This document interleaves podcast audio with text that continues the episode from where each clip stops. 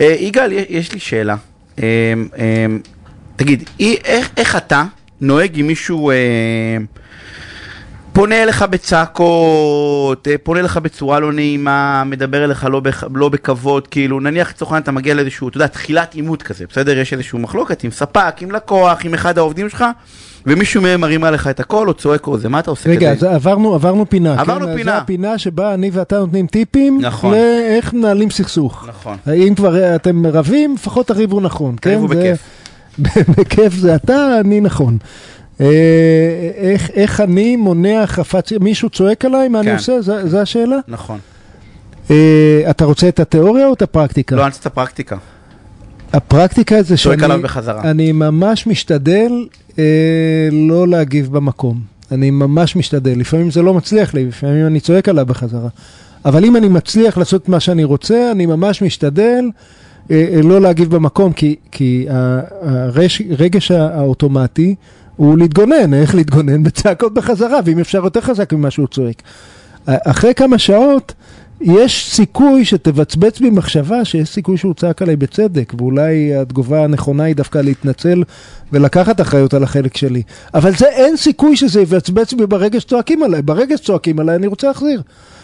לכן התגובה האוטומטית הרבה פעמים לא משרתת אותי, והיא גם לא נכונה הרבה פעמים. הדרך היחידה בעיניך לא, לא להגיב לסכסוך הוא פשוט, לא, כאילו לא, לא לה- להחריף סכסוך, או לא להחריף עימות, או לא להתחיל בעצם. כרך סכסוך מתחיל, מישהו כועס על מישהו ומתחילים איזשהו, אני אקרא לזה איזשהו חילופי דברים, בסדר? לא לגופו של עניין, אלא לגופו של אה, אדם. הדרך שלך היא פשוט לא, לא, עכשיו אם אי אפשר, אתה חייב להגיב.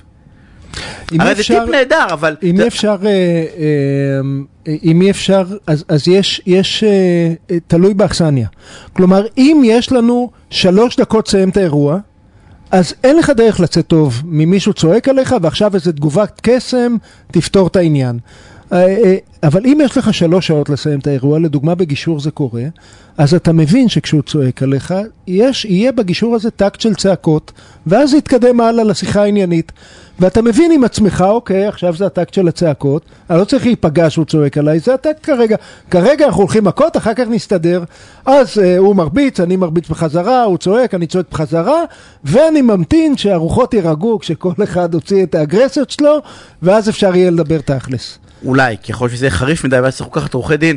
אה, אני אגיד לך שהטיפים האלה הם טובים, ואתה איפה נתקלנו בהם בקושי גדול, דווקא במערכת החינוך, בהכשרות שאנחנו עושים, שלילדים בהפסקה... יואו, אתה חייב לספר לא, על אנחנו נדבר על ההכשרות זה, אבל לא עכשיו, יש לנו זה לא- 30 שניות. כן. הילדים בהפסקה לא יכולים לקבל אף אחד מהטיפים שלנו, של הגדולים. הם לא יכולים להגיד לילד, תשמע, לך לישון על זה בלילה, לחבר שלהם, שהוא- חברה שהם רבו, והם גם לא יכולים להתחיל לימוד, כי... אז אני רוצה להגיד רגע. לך, הנה, ב-20 שניות האלה אני כן. אספר לך על המשפט הכי חשוב שהופעתי בו השנה, משפט מבוים בכיתה ו' אה, אה, אה, ביום שישי הזה. הילדים, אמרתי להם, תראו, התפקיד שלכם זה לריב, אבל תוך כדי כללים. נניח מישהו צועק עליכם, אתם צריכים להמתין עד לסוף הצעקות, או עד לסוף ההתנגדות, או עד לסוף הטיעון, ואז לעמוד בנימוס של לורד בריטי, אתם תגידו דברים קשים מאוד, אבל בנימוס של לורד בריטי. נשבע לך, חלק מהילדים הצליחו. ראית ילד בכיתה ו' קם זה ואומר, דורש? אני ממש אה, חושב שחברי טועה ומטעה, וככה דיברו, נזכרתי באיך זה נראה, היה לנו... זה היה מדהים. אנחנו נמשיך את הפינה הזאתי.